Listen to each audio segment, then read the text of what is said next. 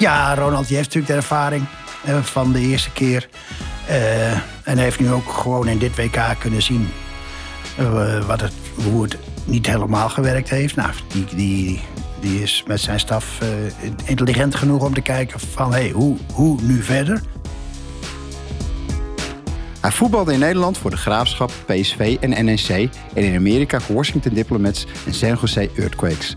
Als trainer werd Guus Hering wereldberoemd. Hij won met PSV zes landstitels en de Europa Cup 1 in 1988. Hij ging onder andere ook aan de slag bij Valencia, Real Madrid, waarmee hij de wereldbeker won, en Chelsea, waarmee hij de FA Cup pakte. Guus was ook gewild als bondscoach. Met het Nederlands elftal werd hij vierde op het WK in 1998 en in 2002 flikte hij dat kunstje met Zuid-Korea.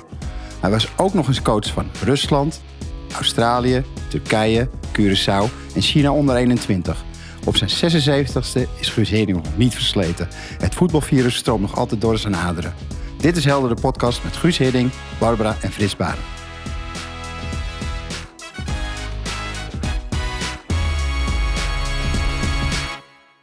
Eh, jij hebt bij Chelsea te maken gehad met eh, Roman Abram Abramovic. Je bent bondscoach in Rusland geweest. Eh, je bent een wereldburger. Je bent over... Maak jij je zorgen om de situatie in de wereld? Eh, ja. Ja, toch wel. Toch wel. Je noemt dus de, je noemt dus de, de, het landen en de namen. Eh, niet dat ik me zorgen maak om op Abramovic. Daar had ik een goede relatie mee. Ik heb hem zelfs in, op 25 februari... was net de oorlog, de invasie, net één dag oud. Ja. heb ik nog even contact gehad met hem met de rechterhand. Ik zeg, nu moet jij meteen naar het Kremlin vliegen. En daar, hup, die deur openen. En jouw baas, ieder, ieders baas, even bij zijn, eh, bij zijn strotje pakken. Dus ja, dat, het, wat zei die het maakt mij... eh, nee, maar dat heeft hij, wel, hij heeft wel gepoogd om te bemiddelen. Dat, is, eh, ja, dat wordt er op verschillende manieren uitgelegd. Dat, ik kan dat politiek niet altijd duiden. Maar hij heeft wel een poging gedaan. Niet dat ik hem echt wil beschermen. Maar je weet niet echt hoe alles gaat. Maar ja, de, ik vind het ik vind wel, wel zorgelijk. Om, omdat hij natuurlijk... eh, ja, iemand in, in nood... Die, die dacht dat hij in drie dagen... zijn zuster-broederland kon domineren. Dat hij, in, eh, dat hij nu nog in oorlog zit. Nou, en het gaat dus niet aan alle kanten goed voor hem. Maar die heeft verder geen uitweg. Dus dan iemand die geen uitweg heeft... is tot rare dingen in staat.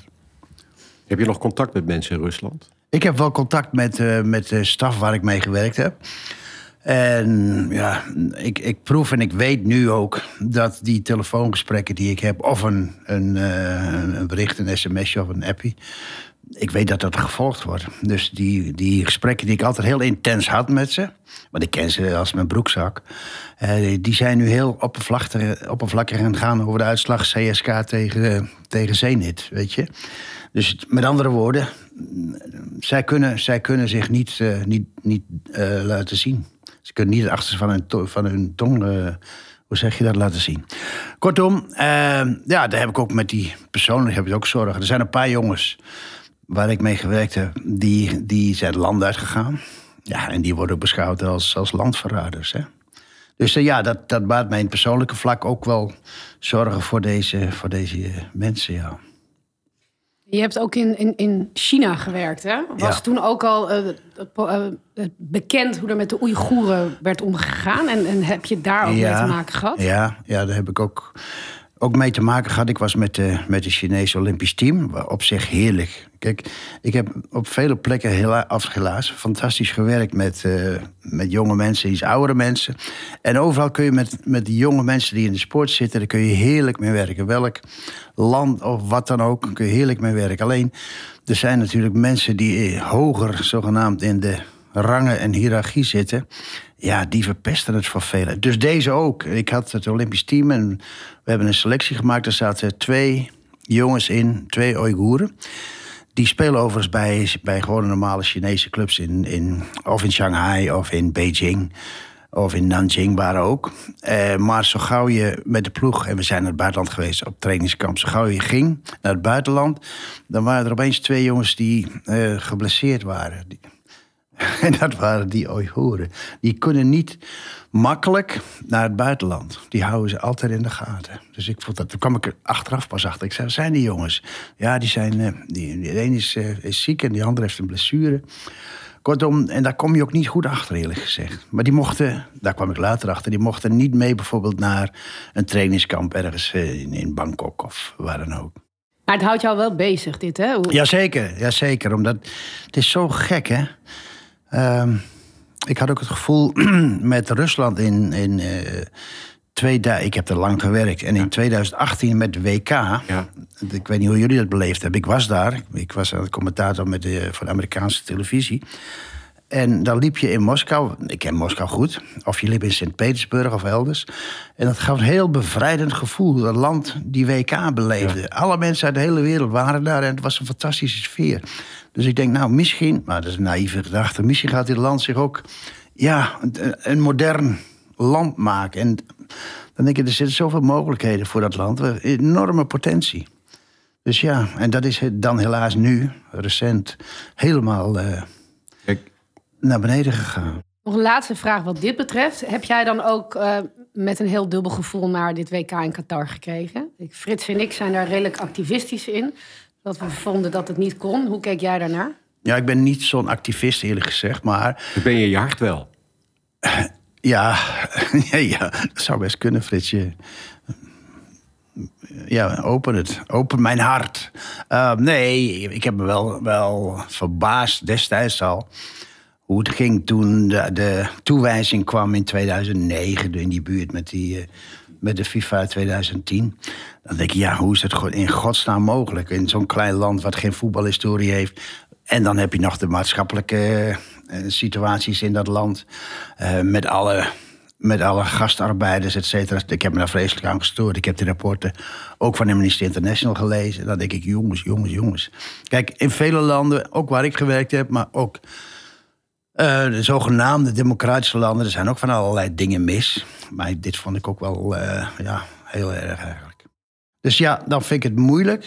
Maar dan kun je zeggen, wij... Uh, wij, gaan daar niet heen, maar die macht heb je niet altijd. Maar op het moment dat dat wel besloten wordt om heen te gaan... dan vind ik wel dat je als je daar dan bent, dat je het een en ander kunt, te bedden kunt brengen. Guus, we willen je een aantal fragmenten voorleggen. Um, ja, dat weet je denk ik niet, maar we hebben een aantal mensen wel gevraagd om wat over jou te vertellen. En dit is het eerste fragment. Hallo Guus, hier even Gerald Vanenburg. Ik, ze hebben me gevraagd of ik iets wilde vertellen over de tijd dat wij samen bij PSV zaten. En wij natuurlijk een geweldige tijd hebben meegemaakt. Jij als beginnend uh, trainer en ik natuurlijk, die al een paar jaar uh, uh, speelde. kwam van Ajax naar PSV. En we hebben natuurlijk ongelooflijke mooie tijden gehad met ongelooflijk veel succes. De, de, de Europa Cup gewonnen, aantal kampioenschappen. En ik denk dat jij als beginnend trainer daar een geweldige rol in hebt gespeeld, samen met Hans Douillet. Ik vind het geweldig om met je gewerkt te hebben. En ik denk dat jij daarna ja, hoef ik niet zoveel te zeggen, een geweldige carrière heb gehad. Guus, het gaat je goed en ik vond het geweldig om met je samen te werken. Groetjes, Gerald. Ja, heel mooi. Heel mooi. Ja, Gerald Vanenburg, een van de meest vaardige spelers die Nederland ooit gehad heeft. Die had, die had uh, voetjes als handjes. Of het nou links of rechts was, dat maakte hem niet zoveel uit. Ik, ik heb later nog zo'n speler gehad, William. William de Braziliaan. Ja, ja een gelijk typje. Dat maakte niet uit of die bal op zijn linker of rechtervoet kwam. En dat had Gerald ook. Die kon natuurlijk fantastisch uh, één op één uitspelen.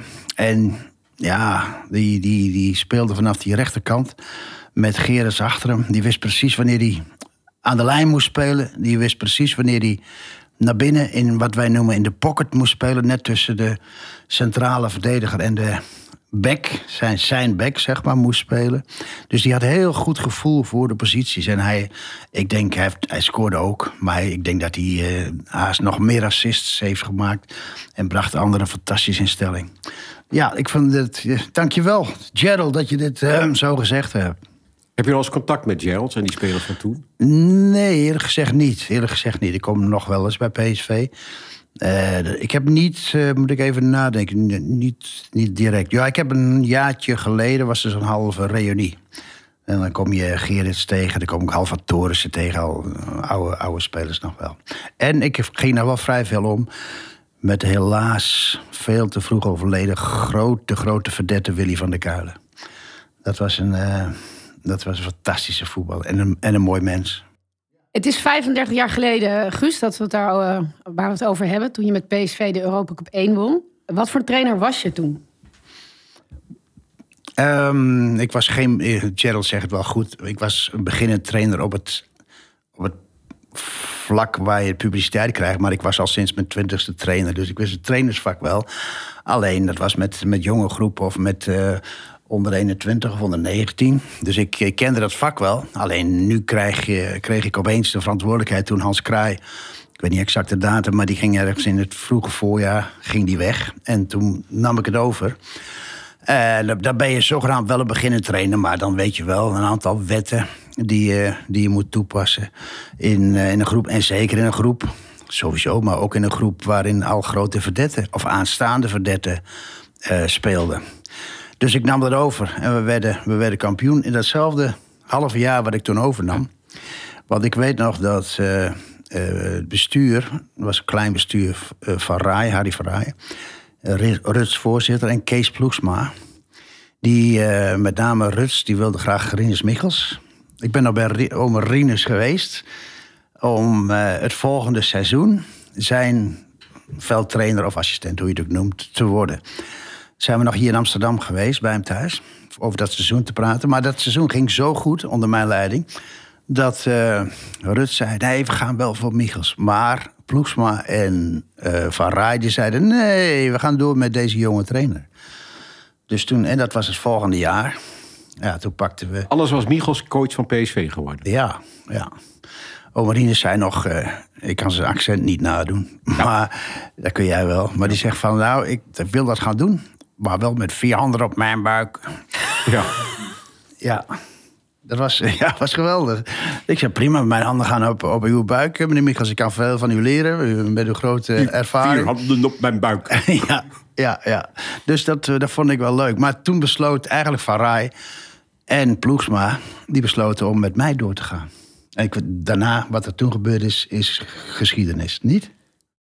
Wat betekent Harry van Rij? vind ik een van de leukste voorzitters die we in Nederland gehad hebben. Wat heeft hij voor jou betekend? Nou, het feit al dat hij, dat hij zag, een jonge trainer. En daarvoor moet je ook altijd heel goed, als je in een leidinggevende functie zit, moet je altijd kijken welk jong talent, of dat nou op het veld is, of in een leidinggevende positie, wie, is, wie heeft de capaciteit, wie heeft de potentie om, om door te groeien naar een andere, een hogere functie, zeg maar, in deze. En dat, dat zag Harry van Rij en dat zag Kees Ploegsma ook. Dus daar ben ik hun dankbaar voor. En daar, ik kom met Harry, kon ik fantastisch. Eén keer, ik zei ook, Harry, kom, je moet één keer in de week moet je naar de het gaan komen. Dan krijg je ook wat gevoel, dat had hij wel. Maar ook voor het, gewoon voor het voetbal, nog meer. Die bestuurders die, die hebben er vaak niet het idee wat er in kleedkamers zo gebeurt. En, eh, en hup, dan kwam die bij en dan, dan lunchte hij mee. En of hij liep de kleedkamer in. Wel om, nadat hij mij gevraagd had. Ik zei, Harry, loop vrij rond. Dus ja, dan krijgen ze ook een gevoel. En dat denk ik ook dat van invloed is op hun manier van leiding geven daarna. En hoe anders was het toen? Dit is volgens mij al anders dan wat je nu hebt. Als ik zo dit beschrijf, hoe jullie met elkaar omgingen. Maar hoe anders was het voetbal toen vergeleken met nu? Ja, ik ben altijd een beetje beducht om te zeggen het voetbal van toen was veel beter dan het voetbal van nu. Dan, uh, nee, het gaat niet eens om voetbal technisch. Het gaat om. Nou, en alles, ja, alles. De hele omgeving.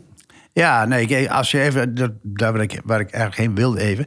Als je het voetbal ziet, en met name ook de, de, de, de Engelse wedstrijden, vind ik ook wel de Spaanse wedstrijden, maar Engels. De intensiteit is, is eh, ja, toch wel toegenomen in de loop der jaren. En dat zijn prachtige slagen, veldslagen om te zien. alle ideeën bij generaliseren. Bij de Engelse club bijvoorbeeld is... zo gauw jij een, een, een balverovering hebt... dan is het eerste idee is verticaal. Naar voren. Eh, ja. En of je dat, dat doet via een 1 tegen 1 uitspelen op het middenveld... Ja, als je dat kunt, dan, dan creëer je al een overtal in de volgende situatie. En niet wat wij in Nederland een beetje hebben: van als je een duel wint of je verovert de bal ergens op het middenveld, achter op het middenveld. Dan is het eerste idee eh, verlangzamen. Laten we eerst die bal maar veilig stellen. En dan gaan we eens denken, oh, kunnen we nog opbouwen? Maar, Maar dat, dat vind ik dus wel, de intensiteit is, is eh, ver- eh, wel hoog. En ik kan me ook een verhaal herinneren dat als beginnend coach bij PSV moest je Kief teleurstellen. Ja, Spelers gingen ook achter jouw rug om bij de leiding vragen of je op de bank kon. Ja. En ik las dat je daar slapeloze nachten van had en dat Ja. je haar zelfs uitviel. klopt. Ik heb de redelijke, nu nog, of niet jongens? Ik heb Ja, het zit goed. heb- Nou ja, het zit goed. Ik ga het niet met jou vergelijken, Fritsie. Maar, nee, dat klopt. Want ik had... eh, ehm, Fleming Paulsen werd aangetrokken... omdat wij dubbele bezetting wilden op de spitspositie. We hadden Romario, we hadden Kieft. En we hadden voor links een beetje Hans Gillenhuis. Daar komt die, eh, Paulsen komt van Keulen. Een Deense eh, international. En ja, Willem die ging even in dat seizoen... werd hij even in de herfst iets minder. Werd, iets minder in, in zijn prestatie. Dus toen heb ik hem eh, op de bank gezet. En ik heb Pauls even laten spelen. Achteraf bleek dat een paar spelers waren naar het bestuur gegaan. Hadden gevraagd van, zet jullie de trainer eens onder druk. Dat Willem eruit moet en Paulsen moet spelen. Dus er zat onderling allemaal vriendjespolitiek bij een paar jongens met Paulsen. Maar op zo'n moment wissel ik dus eh, Willem. Dus Willem die denkt van, ja, en die kwam daar ook achter. Die denkt van, ja, die trainer is, is eh, te manipuleren op een verkeerde manier. Dus, en dan denk ik van, oh, hoe kom ik hieruit? Hoe kom, want het viel samen. Ik, dat vond ik zo verschrikkelijk dat ik, En wist je welke spelers dat waren? Die, eh, ja, Wie? ga ik niet vertellen. En dan denk je, hoe kom ik hier uit? En toen? Dat, hoe kom ik hieruit? Omdat ik kan wel tegen Willem zeggen, ja, dat is niet zo. Maar ik, ja, ik kom er op een van. Dus hij moet tonen, of hij moet. Ik moet hem overtuigen dat dit toevallig samenloopt, die twee spelers die achter mijn rug omgingen. En het feit dat ik vond dat hij even minder presteerde. Dus ik kon dat niet goed verklaren. Ik had geen bewijzen verder. Dus ik, en als ik dan na de training ging douchen, viel de plokken haar vielen, vielen uit. Ik denk, godsamme, hoe... Ja, dat vond ik zo verschrikkelijk. Die maar twee- omdat ik dus niet... Kijk, je maakt, wel eens, maakt vaak Ja. beslissingen in de een selectie van 26. Dan stel je er in principe eh, meer dan de helft stel je teleur. Ja? Maar die beslissing, heb- daar heb ik niet zo'n moeite mee. Daar heb ik, omdat je kiest voor de elf waarvan je denkt, die gaan nu presteren. Ik heb nog meer nodig uiteraard. Daar heb ik dan, hoewel dan ook scheve gezichten kunnen komen... want vind, ik vind dat ik moet spelen. Maar dat vind, ik- dat vind ik niet zo'n probleem. Dat moet je als trainer maar even incasseren.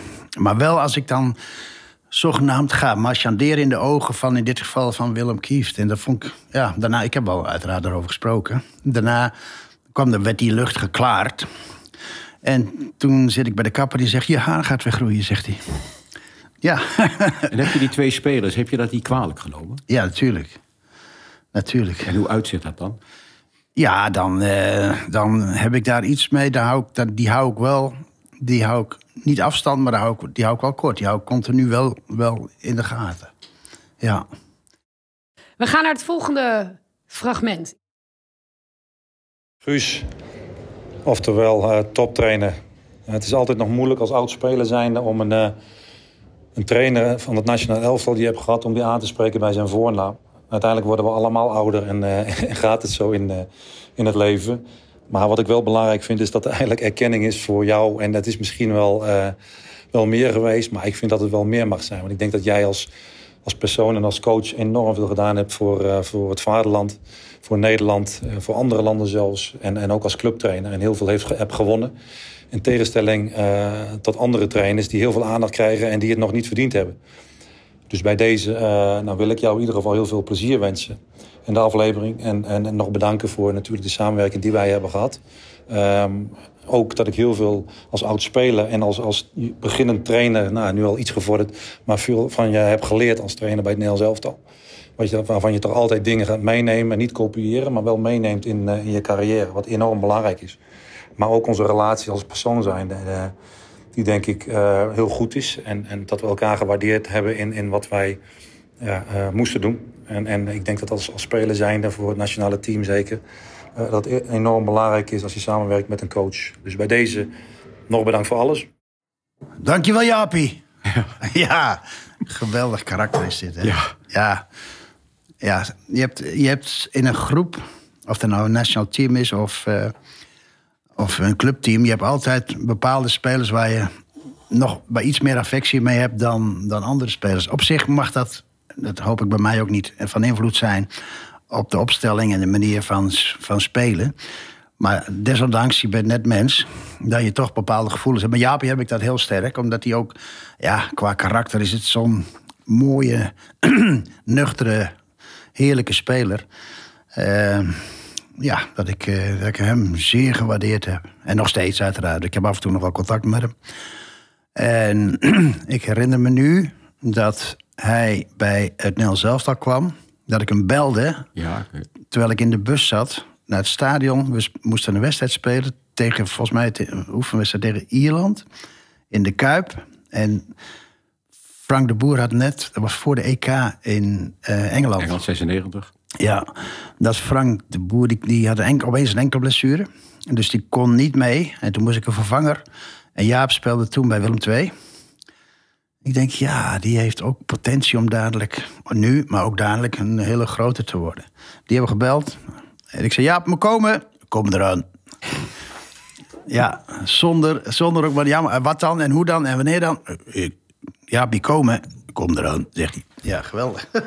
Ja, want hij was gewoon nog een uh, provinciaal toen hij in 96 bij het EK. Ja, maar je zag toch en, hoe sterk die was. Je kon een bal goed raken, zeker met zijn rechter. Maar ook, ook een, een modernere speler, een fysiek sterke speler. En ja, daarna ging hij naar PSV en ja, de rest hoef ik niet te zeggen van zijn carrière. Kun jij dan voorstellen... Maar dat was, dit was een speler ja? die groot sterk was, maar die heel subtiel kon verdedigen. Ja, ja. Dat ging, Wat is dat subtiel verdedigen? Nou, dat je niet ten alle tijden met grof geweld er, achterop loopt. Maar hij, hij voelde precies aan het moment van een bal afpakken van een tegenstander. Of hij dwong dus een tegenstander zodanig dat hij in problemen kwam. Dat vond ik altijd ja, heel goed radar had hij. Wist jij dat hij zo nerveus was voor een wedstrijd... dat hij alleen maar op de wc zat voor je dit veld opging? Wist je dat? Ja, dat, dat heb ik later wel, nu je het zegt, heb ik dat wel eens gehoord. Ja, die zat dan ook zich zo op te vreten om te presteren natuurlijk. Hè? Ja. En dat was ook het toernooi waar jij Edgar Davids hebt weggestuurd.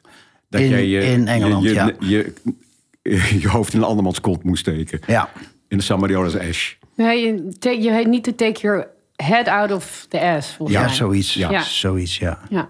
Ja. Dat was van, Den, hij was geïnspireerd door Dennis Rodman, de basketballer. Had hij Ah, de biografie van gelezen. Ja, ja, oké. Nou ja, dan moet je wat spectaculairs doen. Dat heeft hij dan ook gedaan. Maar dan moet ik volgens ook een beetje spectaculair doen. En hem te zeggen van, joh, pak het vliegtuig en wegwezen. Ja, Hoe kijk je daarop terug? ah, daar kijk ik met, genoeg op terug. Want daarna heb ik hem... Daarna, kijk, daar kan ik twee dingen doen. Eh, dit ontstond een beetje bij... Dan ga ik een beetje specifiek worden. Dat sto- ontstond in de wedstrijd tegen Zwitserland. Ja? Waarin... ehm, waarin ehm, ehm, hij speelde de eerste wedstrijd. En de tweede wedstrijd komt Blind komt terug in, in de- die was geschorst. Die komt terug in de centrale verdediging. Ja. Dus ik moet iemand offeren, want ik wilde Blind gewoon centraal hebben. Eh, ik moet dus iemand offeren. Richard Witse, links middenveld, speelde een goede wedstrijd de eerste tegen Schotland. Ja, de 0-0 wedstrijd. En ik denk, ja, kan ik heel makkelijk doen. Richard, ik heb je teruggehaald van Bordeaux. Tweede keer Oranje, Richard eh, op de bank. Nee, ik denk de prestatie van Richard was goed. Dus ik moet iemand anders offeren. Dus eh, Edgar. Edgar op de bank. Wat gebeurde in de wedstrijd? Clarence, zijn vriendje, die kreeg eh, een gele kaart na 20 minuten. Met de waarschuwing van de scheidsrechter zag ik aan de gebarentaal... nog één keer, vriend, nog één zo'n tackeltje of iets minder... en je gaat eraf. Dus ik, dat zag ik. Dus ik denk, eh, ik haal Clarence er nu af... anders heb ik dadelijk een man minder. Dus ik haalde Clarence eraf. Ik weet niet exact, kun je nakijken. In minuut 25 of zoiets. Wissel. Kan dat nou? Ja, wissel. Ik wil niet risico lopen. Dus die twee zitten een beetje te muiten. Want ik zie het in mijn ooghoeken rechts in de bank. En dan heb ik mijn ogen wel op, op 180 graden staan. Dan zie ik ze wel muiten. En ik kijk daar voor me. Ik denk, dat gaat nog wel eh, dat gaat stevig worden straks. Nou ja, dat werd inderdaad stevig. De pers is ook terecht. We hebben ook de ogen en de oren open. En dat werd een item na de wedstrijd. Dus toen heb ik gezegd, eh, Edgar, kom op mijn kamer. Ik zei, dat gaat zo niet goed. Hij zei, dat is prima. Ik zei, nou, wegwezen dan. Ook goed. Dat ging heel, dat ging heel rustig en vredig, hè. dus hij weg. Maar ja, daarna hebben wij ehm, de aanloop naar WK 98. Toen hebben we een aantal dingen scherper gesteld. Hoe je je moet gedragen als je bij Oranje, dat oranje shirt vind ik is een mooi heilig shirtje. Als je dat aan hebt, dan moet je, dan moet je het gedrag vertonen wat een international moet vertonen op het veld en buiten het veld. Maar ik denk, ja, ik had hem ook niet geselecteerd. Maar aan de andere kant denk ik, ja, die man heeft zoveel potentie, zoveel power. Die kan ons wel van dienst zijn. Hè? Dus daar heb ik hem een poosje genegeerd. En, naar de eh, WK 98, dat ging heel goed. We wonnen twee keer van België, 1-3 in Brussel. Eh wonnen thuis van Wales, makkelijk uit bij Wales, makkelijk. Dus we waren na drie, vier wedstrijden al gekwalificeerd. Maar hij zat nog toen bij Milan, want ik had hem niet geselecteerd. Nou, dan krijg je dan een berichtje van... ja, Edgar wil wel, wel graag erbij zijn. Ja, ik zei, oké, leuk. nou, toen hebben we het zo gespeeld... dat hij een wedstrijd op zondagavond had bij Juventus. En dat ik zat te kijken naar het schema. Ik zeg, nou, tegen zijn agent... laat hem morgen vroeg maar om eh, half negen in Amsterdam... op dat en dat adres zijn. Ik denk, ik was benieuwd of hoe die reactie zou zijn. Ja hoor, ik zit op dat adres. Half negen. Prrrt, prrrt, gaat belletje. En daar stond Edgar voor. Ik denk, hey, welkom. Thee? Ja, thee. En eh, daar hebben we even een half uurtje gepraat over het verleden, maar ook hoe we nu weer verder gaan. Hij zei, ja, dat is prima. Die sfeer was, zo, was heel goed. Dus van daaruit is hij er weer bijgekomen. Je ik, ook- ik had ook heel makkelijk kunnen zeggen, en dat was, was ik hem weggekomen. A, voor mezelf, maar ook voor de buitenwacht. Wat ik dan op dat moment iets minder belangrijk vond.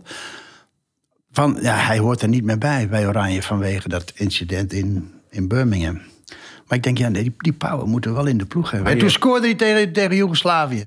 Daarna heb ik hem ontmoet. Als je ziet, ik heb een mooie foto thuis hangen waarin die Joegoslavië maakte die 2-1. Dan denk ik, nou, dat is het eind van zo'n... Maar dat was daarvoor al goed. Ja. Maar dat vind ik dan fantastisch dat die jongen dan de beslissing tegen een moeilijke wedstrijd tegen Joegoslavië maakt. Dus ja, dat vond ik heerlijk. En daarna heb ik hem vaker ontmoet en dan is het heerlijk om daarover te praten. Zulke dingen maken een team ook sterk. Dat er een beetje, ja, een beetje wrevel is. Hè? Dan, de, de, de, de slechte die vluchten dan, die presteren niet. Maar de goede, de echte, die denken van... Wauw, daar zitten de... Ja, in Spa, de garra, de mala leche, die zit, daar, die zit daarop. En Ambiente. Ja, ambiente is, is een lief, leuk woord. Die hadden ze bij Oranje nu, denk ik. Maar, eh, maar er, zit, daar moet een beetje met, met elkaar goed waarderen... maar er moet een beetje, beetje wrevel zitten in zo'n ploeg. Dat denk ik van, wij, wij, wij moeten nu, we gaan nu en we moeten... Ja, dat we is willen, een bewuste- We willen presteren. Dat creëer je ook bij de elftal dan? Ja, ja vaak wel. Ja, Vaak en dat wel. mis, je, dat, nou ja, dat mis je ontzettend bij het Nederlands elftal. Het waren Ik- allemaal vriendjes. Ik vond het heel lief. Ja, Ja. ja, het was heel lief en leuk en vermakelijk. Hey, en bij het WK liet je toen allemaal oud-spelers ook stage lopen. Koeman, Rijkaard. ehm, je hebt je over meer oud-spelers bekommerd. Frank de Boer, Philippe Cocu. Ehm, ten eerste, hoe kwam je daarop? En, en voelde je ook de verplichting om dat, om dat te doen... met zulke grote voetballers die Nederland voortbrengt? Nou, geen echte verplichting in die zin. Maar ik vond het jammer dat eh, spelers die een fantastische ca- carrière gemaakt hebben. Eh, dat begint al met Johan in 74, die ook zijn diploma. Dat is de enige die zijn diploma kreeg. Die moet niet, dat moet niet verloren gaan voor het voetbal. Waar ik mee te maken had, was dus de generatie eh, Koeman, Gullit, Rijkaard, Marco van Basten. Die waren dus al in het eind van hun carrière of, of al iets verder. En denk ik van, ja, het is doodzonde dat deze ervaring verloren gaat. En dan, dan, aan de andere kant, deze jongens, in Nederland hebben ze hebben een goede cursus. Die, dan moet je vijf, zes jaar en nog stage lopen. Moet je een cursus doorlopen voordat je de nu pro-license hebt. Dan denk je, ja, dat is zo doodzonde. En die jongens gaan dat in principe niet doen. Die zeggen eigenlijk van, geef mij dat diploma maar, want dan, dan doe ik het wel. Dat is ook een, een beetje een, een onderschatting van, van, vak. van het vak. Daar zijn ze ook wel achter gekomen. Maar die jongens die hebben dus in een gecomprimeerde cursus gegooid... met de KNVB-leiding destijds. En eh, die hebben die cursus gedaan. Onder andere eh, bij Foppen, bij zijn ze geweest, stage lopen. Nou, die jongens die, die, ja, die kregen een heel ander inzicht in het vak trainer zijn. Door die gecomprimeerde cursus. Dus die ervaringen wilde ik eigenlijk niet verloren laten gaan. Maar die hebben natuurlijk wereldwijd van alles meegemaakt. En die kunnen dat fantastisch overbrengen op jonge spelers. Vandaar dat we zeiden, joh, we gaan ze in de cursus duwen. En dat is toen nog gebeurd. En die jongens zijn, toen is uh, Rij, uh, Rijkaard en Koeman, die zijn met mij meegegaan. En Neeskens had ik al, bij uh, WK in Frankrijk. Hoe komt het dat er op dit moment zo weinig Nederlandse trainers in de top zijn? Alleen maar Erik ten Hag eigenlijk die buiten Nederland een grote club heeft. Dat was wel Dat is ook van invloed. Als je een, een goede generatie hebt gehad, ook aan spelers. Dus je bent natuurlijk ook afhankelijk van een golf van talent. Ook als trainer ben je daar eh, toch wel wat afhankelijk van. Nou, toch wel. Ja, nee, toch wel mag Ja. met hoofdletters. Ja. Ehm, daar ben je afhankelijk van. En dan zit je op een golf en dan worden trainers ook in het buitenland gevraagd. Ja, dat is met mij gebeurd, dat is met anderen gebeurd. En dan krijg je als, als gevolg daarvan dat er nog meer trainers, weliswaar niet in de hoge publiciteit, maar die worden ook gevraagd overal op de wereld. En omdat het Nederlandse voetbal dan die impact heeft gehad, zeggen heel veel buitenlanden van, oh, we willen een Nederlandse trainer hebben. Ja, nu is dat even minder gegaan, omdat natuurlijk helaas, helaas ook een paar trainers die, die wel naar het buitenland zijn gegaan. ehm, en dat niet, helemaal, dat niet gered hebben. En dat is jammer. Als die dat gered zouden hebben, dan krijg je daar een, ja, een, een consequentie, een, eh, Gevolg. een gevolg van. Dat is, eh, of dat nou reëel is, ja of nee. Maar veel buitenlandse bestuurders die kijken ook naar het imago. Die kijken naar het imago van Nederlands voetbal. En dus ook Nederlandse trainers. En daarom is het ook jammer dat we nu, ja, nu een, niet fijn gespeeld hebben op dit, dit WK. Ook in dit aspect. Dat heeft dan ook, want ik krijg wel... Dus jij denkt dat door het spel van Nederland... Nederlandse trainers nu weer minder gewild zijn. ja, hoe, of je dat leuk vindt of niet, mensen kijken daar nog, oh, die kijken daar toch naar. Want Nederlands voetbal heeft wereldwijd, ik, heb, ik krijg wel veel reacties. Wereldwijd heeft Nederlands voetbal een aanzien van, goh, dat, is, dat voetbal willen we zien. Dat, Ja. is, dat is avontuurlijk Avontuur. voetbal. En dat je af en toe wat realistischer bent als je iets minder kwaliteit hebt, snap ik. Maar men wil toch zien dat er iets avontuur zit in het Nederlandse voetbal. En dan heeft dat inderdaad wel En consequenties. dat heb je van mensen om je heen gehoord... dat ze dat ontzettend gemist hebben. Ja, ik, ik, ik, het- ja, helaas, mensen die schrijven mij of appen me. Ah, wanneer begint het Nederlands team nou te, te acteren? Ja. Paar luchtige vraag. Kan je er kort antwoord op geven? Wat wil ik nog een keer herbeleven? De, de, de, de, de, de penalty-serie tegen Brazilië 98. En dan winnend afsluiten. Uiteraard. Waar kan je me s'nachts voor wakker maken? Ja, je moet me straks niet wakker maken. Mijn levenslied is. Ramse Shaffi, laat me. Eh, we hebben een eh, ander mooi fragment voor je. Komt-ie. Hi Guus, dit is broertje René. Mij is gevraagd een bijdrage te leveren aan deze podcast. Dat doe ik uiteraard met veel plezier. We zijn allebei onze voetbalcarrière begonnen op Sportpark Oberink bij Sportclub Varsenvat. Ik weet nog goed dat ik als kleine jongen altijd met veel wondering en gepaste trots langs de lijn stond te kijken naar jouw verrichtingen als speler van het eerste team. Dat wilde ik ook in het eerste team spelen. Het leek voor mij op dat moment het hoogst haalbare, het ultieme doel. Jaren later hebben we samen gespeeld bij de Graafschap, onder leiding van Pieter Visser en Even Teunissen. Zo zie je maar weer hoe het kan gaan. Heb in die periode veel van je geleerd. Je was toen al aan het coachen. Na onze actieve periode als profvoetballer zijn we beide het coachingsvak ingegaan. Jij hebt de hele wereld rondgereisd en ik zeg maar de halve. Ik ben je altijd intens blijven volgen en zelfs de voorbereiding op het WK in Zuid-Korea meegemaakt. Guus, veel respect voor wat jij allemaal hebt bereikt en hebt teweeggebracht in de diverse landen. Warme groet en tot gauw. Broertje, maar mijn jongere, kleinere broertje zeggen we altijd. Dat blijft, al- Hiddink, ja. dat blijft altijd. Ik heb nou een oudere broer ook. En die beschouw ik als senior broer. En daar moet ik, daar moet ik naar luisteren. In de oude hiërarchische gezinssamenstelling, toch? Maar hoe Hoe kijk je... belangrijk- Maar René is, eh, ja, dat is een heel, heel aardig mens. Heel lieve jongen, lieve man. En ja, hij heeft toch ook wel dingen aangepakt, vind ik. Hij is ook de wereld, of hij zegt zelfs de halve wereld rond geweest. Recent nog in de Malediven heeft hij daar gewerkt. Dus eh, in Afrika heeft hij gewerkt. Dus ja, ik, vind, ik hou wel van mensen die toch het avontuur zoeken. Dat heeft hij ook gedaan. Hoe kijk je terug op je jeugd? Jij komt uit een eh, heel warm nest. En je, hebt- ik weet ook dat je ouders in de oorlog ook aan de goede kant stonden. Wat ook een band tussen ons geeft. Ja. Hoe kijk je daarop terug? Ja, nee, wij, wij zijn in de Achterhoek allemaal opgegroeid. En ik ben op mijn zestiende naar Haarlem, Overveen gegaan. Maar in die, die periode daarvoor, daar zit je in de 19, in de 50 of 60 jaren in de Achterhoek. Dat was, dat was voor mij, ik vond het zelf heerlijk om daar uh, terugkijkend, om daar opgegroeid te zijn. Veel, ja, wat, wat deed je? Je ging uiteraard naar school, daarna snel voetballen. Of ik ging naar de boerderij en ik ging koeien melken, paarden mennen. Uh, varkens voeren en al zulke ba basisdingen. Dat vond, ik vond het heerlijk om daar uh, opgegroeid te zijn. En datzelfde heeft René ook gehad. En trots op je ouders? Ja, ja, ja mijn, uh, mijn moeder waren zes kinderen. Nou, dan achter, terugdenken, de jaren 50 na de oorlog. Hoe, uh, hoe zij een, gezin runt, ook economisch alles. Dan denk je achteraf, hoe is het mogelijk? En mij de mogelijkheid gegeven om toch het CIO's te gaan doen. Om te gaan studeren. Nou, dat vind ik achteraf terugredenerend. Op dat moment denk je er niet zo aan. Maar terugredenerend denk ik, wat hebben jullie knap gedaan. Mijn vader, wat jij net zei, die zat uh, uh, toch wel in het verzet. In de, in de oorlog. En het gekke is, en dat heb ik wel vaker gehoord, dat die mensen, mijn vader ook, daar bijna nooit over spraken. Pas toen hij in de 70 raakte, dan, ja, dan worden ze meer open daarover. En dan, dan gaan ze daarover praten.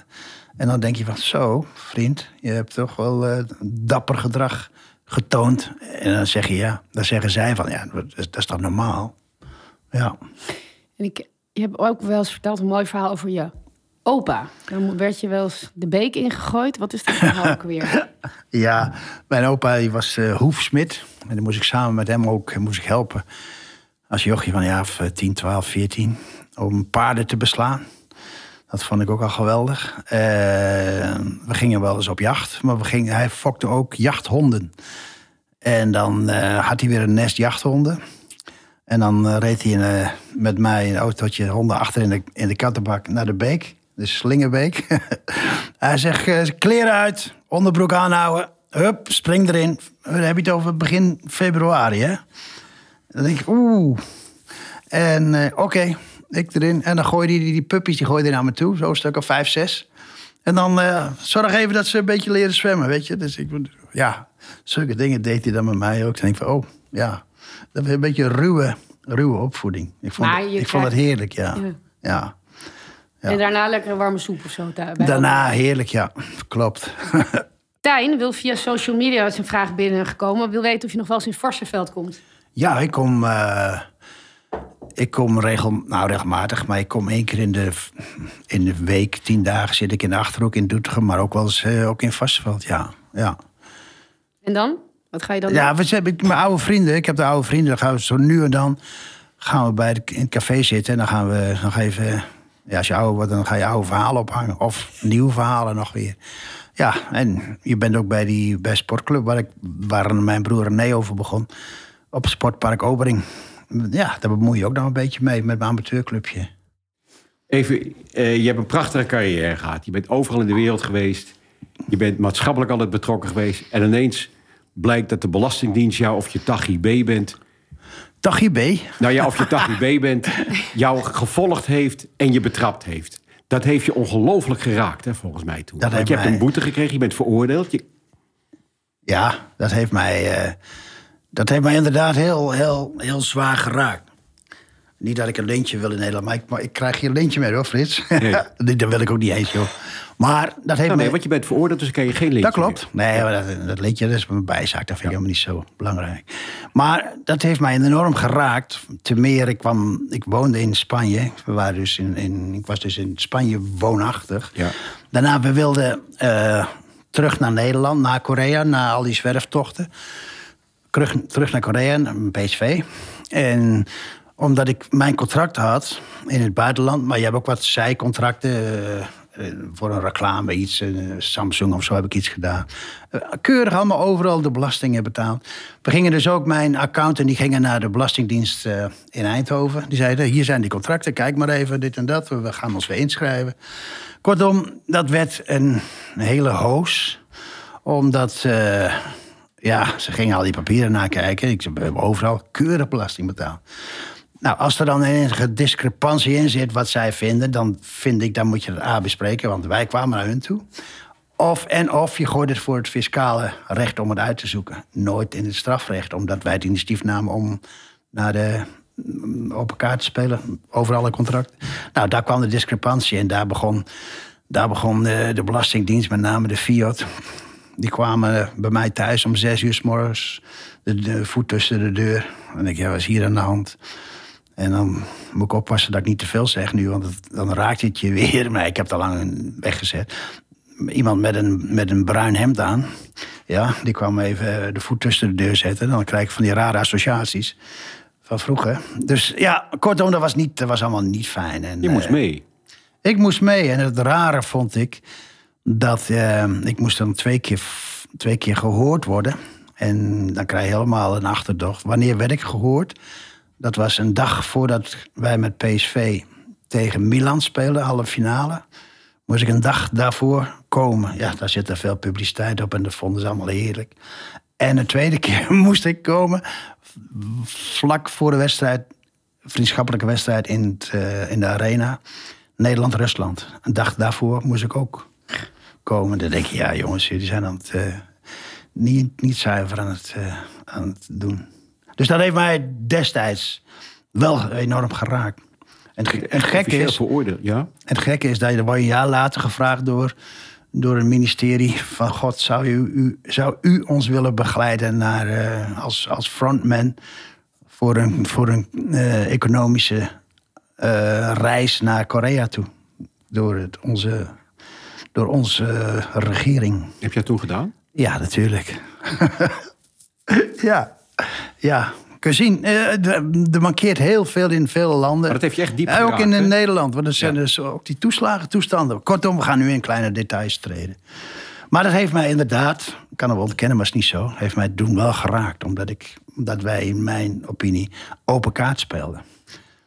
Wat jou volgens mij ook heel, veel heeft, heel erg heeft geraakt, is dat jij Louis van Gaal opvolgt als bondscoach in 2014, maar die klus niet mocht afmaken.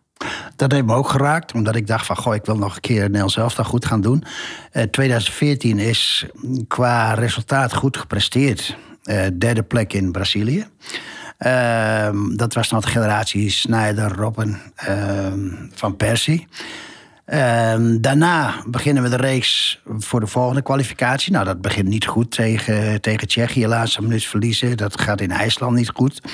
Maar dat was ook een beetje de laatste fase van die, die spelers. En ehm, heel reëel beschouwd vond ik Brazilië een prima resultaat. Mensen, eh, ja, euforisch, prima. Maar als je heel goed ging kijken... er waren wat narrow escapes tegen Australië tegen ehm, Mexico en nog in Costa Rica. Costa Rica. Dat waren narrow escapes.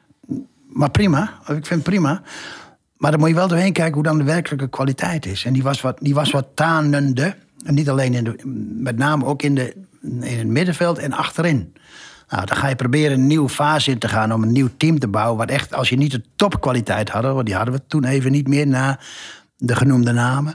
Dan ga je proberen er nog meer een vechtmachine van te maken. En dat hebben we toen ook gedaan. Twee keer verliezen. Daarna zijn we voor Letland hebben we weer de, de winst gepakt. Nou, dan zit je nog in de race om te kwalificeren. Ik denk, een team gaan we rondom Wijnaldum onder andere opbouwen. Want dat, is echt, dat kan een vechtploeg worden.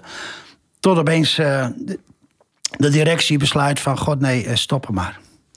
Dan denk je, ja, dat heb ik nooit begrepen. Dat heb ik nooit begrepen. Dus, en dat heeft mij ook wel eh, geraakt. Omdat ik denk van, goh, we willen weer opnieuw een ploeg opbouwen. En je ziet in de golfbeweging, je ziet hoe lang...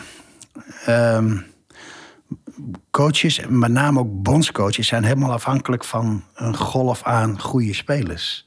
Als je ziet hoe Deschamps, die zit er al jaren. Eh, er zijn andere, andere hoe lang eh, in Spanje Del Bosque gezeten heeft. Ja, er zijn ook weer golfbewegingen. Maar zo'n bond is dan meer, ja, meer eh, zuiver in de, in de beoordeling, in, hun, in, in het beleid wat je, wat je voorstelt.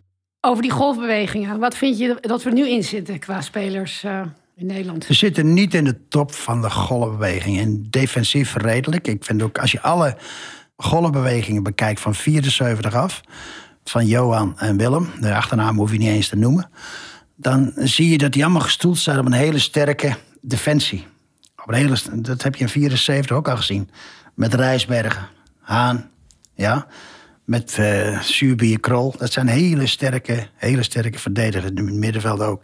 Dat zie je ook in die, in die 88-generatie met Van Basten Gullit. Daar zie je achterin Van Tichelen. Dat zijn allemaal geen aansprekende spelers voor de buitenwereld. Maar heel belangrijk voor een team. Van Tichelen, Van Aarde. Dat zijn hele belangrijke spelers. Dat, en dat zag je bij eh, het moment waar we nu over hadden, 2014, zag je dat minder. Maar ook aan de voorkant, in aanvallende middenveld, plus in de spitsen, was niet, niet echt de grote talenten dienden zich toen aan. Maar nu, 2022, hebben we toch een hele goede verdediging? Nu hebben we een goede verdediging, maar nu zit het voorin niet helemaal eh, top van de wereld. Maar wat dacht je? Los van het feit dat de paai wat moeilijkheden gehad heeft de laatste maanden. Door niet te spelen en op blessures. Maar als je alleen al van Memphis afhankelijk bent. Dat je zegt van goh, Memphis moet erbij zijn. Anders worden we geen wereldkampioen. Of die, daar, die maakt ons wereldkampioen. Ja, dan, dan is dat een heel dun lijntje natuurlijk. Hè? Wat dacht je toen je Oranje aan het werk zag bij dit WK? Ja, ik, ik, ik kan me voorstellen, een groepsfase. Dan wil iedereen zien van meteen erop en erover. Maar dat moet een beetje reëel zijn. Ik kan me voorstellen dat je in de groepsfase een klein beetje calculeert. Van de eerste wedstrijd moet je winnen. Want dan ben je al, dan ben je al op streek. Zeker niet verliezen in het negatieve scenario. Dus ik kan me voorstellen dat je beter gaat calculeren. En dan dat je niet een tik over de neus wil krijgen in, in de groepsfase. Zoals er een paar landen een tik over de neus hebben gehad. Grote landen. Maar je mag wel iets meer, vind ik, mm, spelen naar de kwaliteit van de, de, de, of de stijl van Nederlands voetbal. En dat is toch wat meer dominant, wat meer initiërend, wat, wat actiever. En niet reactief. En dat, die balans is een beetje kwijtgeraakt, vond ik. En eh, hoe vond je Van Gaal? Hij was heel vrolijk. Hij was vrolijk, ik vond het heel vermakelijk. Heel, de persconferenties waren, vond ik heel leuk om te zien. En er werd gekust, eh, er werd van alles, er werd van alles gedaan. Ja, vond ik heel, heel vond ik leuk. Maar weinig van jou, eh, wat zei je net? Dat er af en toe ook eens wat... eh, Fictie. Oh, nee, de groep was ook heel leuk en lief met elkaar. Ja, af en toe, dat is helemaal niet leuk. Dat, af en toe moet het ook een beetje, een modern woord, schuren in een selectie. Dat je denkt van, oh, ik, nu moet ik, nu zit er een beetje wrevel in. En, ja, gaan we na alle, alle selecties. Het moet niet overslaan. Wat oversloeg bijvoorbeeld, is in, wat een heel sterke groep was in eh 90 in Italië. Ja. Dat was een hele sterke groep. Die was ook wereldkampioen waardig. Ja. Net zoals ik vond 98 wereldkampioen waardig was. Dan voel je wel, want dat- die- zo'n Davidzaak is daar, ja, die ligt daar ook. En dat veroorzaakt ook een bepaalde goede energie.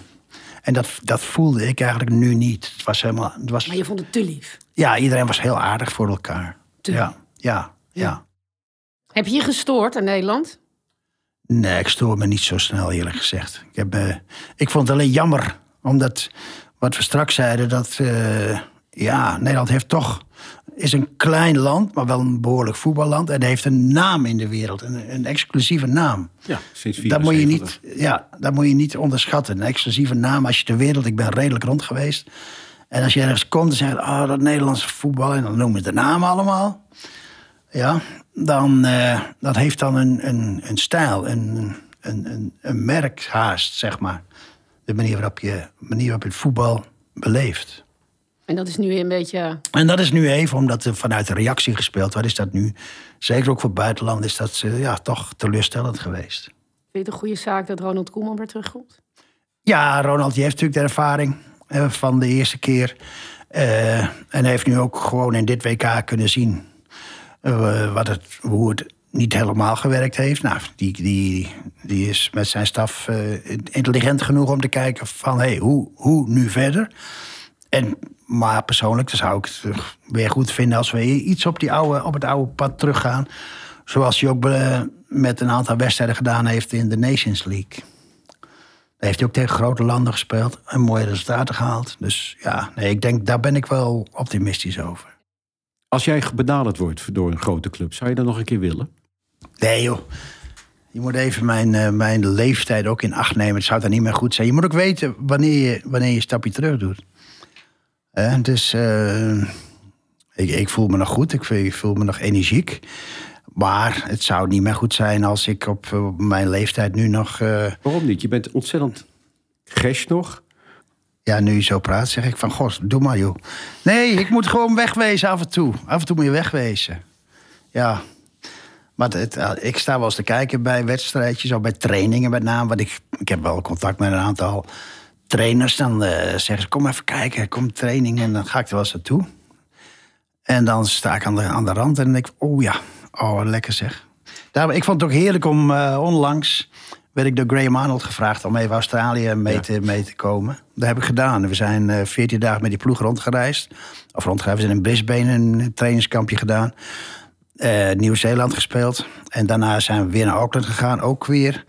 En dan, ben, dan zit ik wel, dan sta ik wel met de voeten op het veld. En is dat puur liefdadigheid of word je dan ook betaald? Ja, ik word zwaar betaald, Frits. Nee, maar is dat puur liefdadigheid? Nee, joh. Eh, nee, dat is puur ja, liefdadigheid. Ja. Ja. Nee, dat, ja, het gaat helemaal niet om geld, joh. Nee. Ik vind het gewoon heerlijk om daar te zijn. Want ik heb heerlijk gewerkt met die Aussies. Ongecompliceerd. Dan kon je, hoef je niet na te denken van... kan ik dit wel zeggen, kan ik dat wel zeggen? Heerlijk. Over Graham Arnold, dat fragment, nadat ze uitgeschakeld waren... en jij zei normaal vliegen naar allerlei dingen eh, door, de, eh, door de kleedkamer waarschijnlijk... maar hoe liefdevol jullie over elkaar spraken... ik kreeg helemaal tranen van in mijn ogen, maar volgens mij jij ook. Ik was ook geëmotioneerd, Ja, moet ik hè? eerlijk zeggen. Ja, Hoe die jou toesprak. Heb je goed gezien? Was dit de camera op bijeengezoomd waarschijnlijk, hè? Ja, Ja, maar ik had ik, niet echt tranen, maar ik had wel vochtig. Dat voel je dan. Je voelt je Ja. emotie opkomen. Dat had ik bij hem ook, want ik vind het natuurlijk een heerlijke man. Hij noemde je de belangrijkste persoon in zijn leven... waar Ja. hij alles aan te danken had. Het was zo net na een uitschakeling op een WK. Nou, dat verbaasde mij ook. Dat zei ik ook tegen, want ik ken hem goed. Het is natuurlijk, een, als hij verliest, is een, een leuk, maar wel korzelig mannetje... van die heel slecht aan mee om kan gaan. Tot een eh één, twee dagen daarna. Maar mm, hoe hij zich alweer eh, eh, onder controle had... maar wel emotioneel was... Nou, direct na een wedstrijd, dat viel me op... en, en ja, dat is. Nou, vond ik het ook leuk dat hij meteen. eh, was ook spontaan, want ik was niet aangekondigd, dit, hè? Nee. Dus het was heel, heel leuk. Ja. Maar dat raakte jou echt, toch? Dat raakte mij, dat raakte mij. Omdat hij eh, in het verleden heeft hij ook wel gezegd... dat is mijn vak niet. Toen hij mijn, mijn assistent was in de WK 2006 in Duitsland... en ik vond het een heerlijke man, want... eh, hij zei, dat is helemaal mijn vak niet. Het is, het is niet mijn vak. Als ik dat zie, ah, ik word helemaal zenuwachtig. Ik word er heel erg gek van. Maar het is een hele leuke, impulsieve man in deze, destijds. En, eh, want ik heb een paar keer ook op zijn donder gegeven toen die, eh, dan, dan zag hij niet meer zitten in de wedstrijd. En dan ging hij onderuit hangen, weet je wel, zoals je helemaal onderuit kan hangen. Ja, in stoel. In een stoeltje, naast mij. En dan nog kauwgom zo. En maar je weet dat die camera aan de overkant, die camera staat 90 minuten op je. Dus ik zei, Graham, en dan gebruik ik een paar vervelende Engelse woorden. Graham, ga rechtop zitten. Pak af. Ja, iets in iets zwaardere termen. Eh, oh, Kortom, hij was eh, ja, helemaal in zijn gemoed bezig. En nu, als ik zie hoe hij die voorbereiding gedaan heeft met die Australiërs... en ook de, de wedstrijden zelf met, met bravoer... ja, dan, dan ben ik daar trots op. De manier waarop ze dat benaderd hebben. Guus, je bent 76. Zeg het nog maar een keer, joh. Ja. Ben je soms al eh, bezig met het onvermijdelijke? En dat is? Dat je op een gegeven moment doodgaat? Daar ben ik niet echt mee bezig, nee. nee.